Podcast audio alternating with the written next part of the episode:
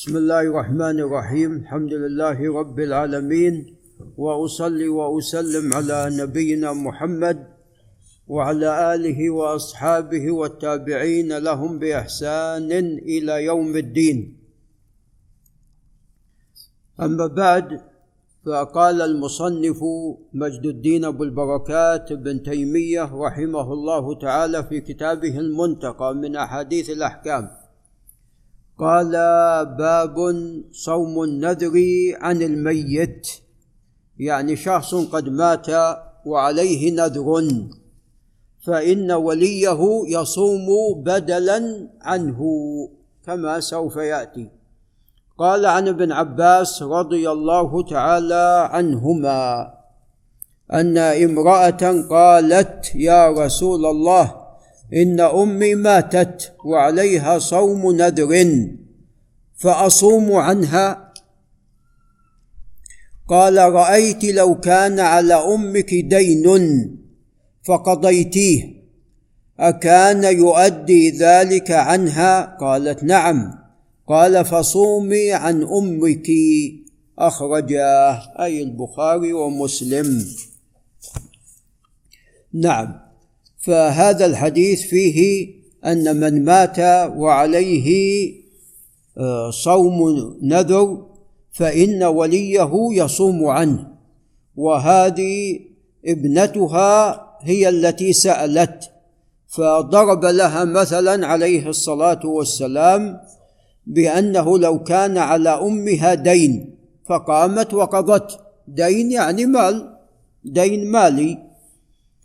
وليس دين معنوي فقضته فكذلك أيضا إذا قضت الدين المعنوي فإن ذلك يجزئ عن أمها. نعم. قال وفي رواية أن وفي رواية أن امرأة ركبت البحر فنذرت إن الله نجاها أن تصوم شهرا إن الله نجاها. أن تصوم شهرا فأنجاها الله. فلم تصم حتى ماتت. فجاءت قرابة لها إلى رسول الله صلى الله عليه وسلم فذكرت ذلك له. فقال صومي عنها. رواه أحمد والنسائي وأبو داود. وعن عائشة رضي الله عنها وعن أبيها أن رسول الله صلى الله عليه وسلم قال من مات وعليه صيام صام عنه وليه وهذا عم من الذي سبق. نعم الذي سبق في صوم النذر وأما هنا فليس مقيدا أو مخصصا بصيام النذر وإنما مطلق من مات وعليه صيام.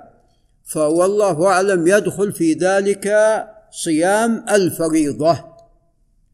نعم. وقال بعض أهل العلم صيام النذر فقط والفريضة لا تدخل.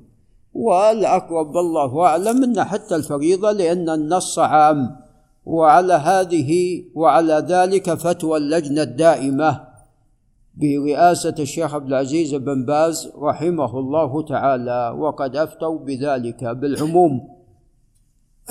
قال متفق عليه.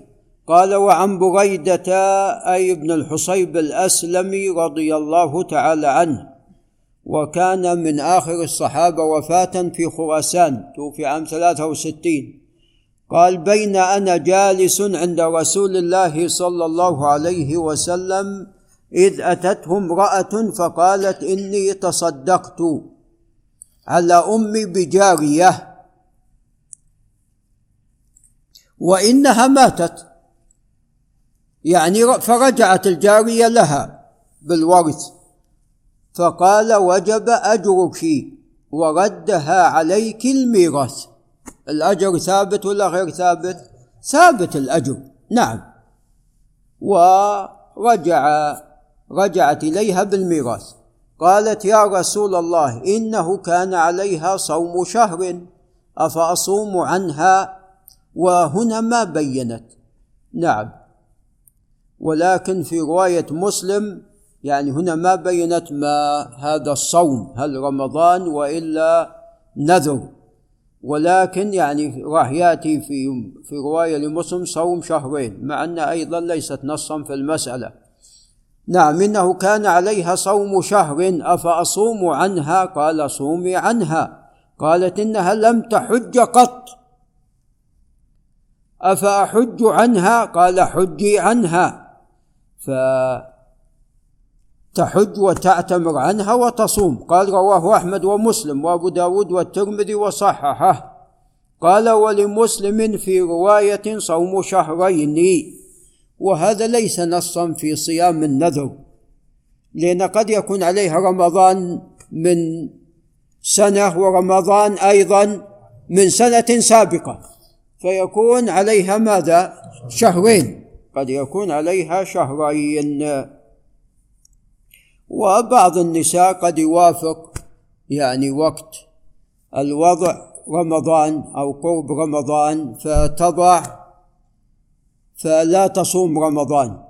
ثم بعد بعد الوضع نعم الرضاعة نعم وقد أيضا يصعب عليها الصيام. فقد يتوالى عليها أكثر من ماذا؟ من رمضان. نعم يتوالى عليها أكثر من رمضان. نعم. ولعل نقف عند هنا. هذا وبالله تعالى التوفيق.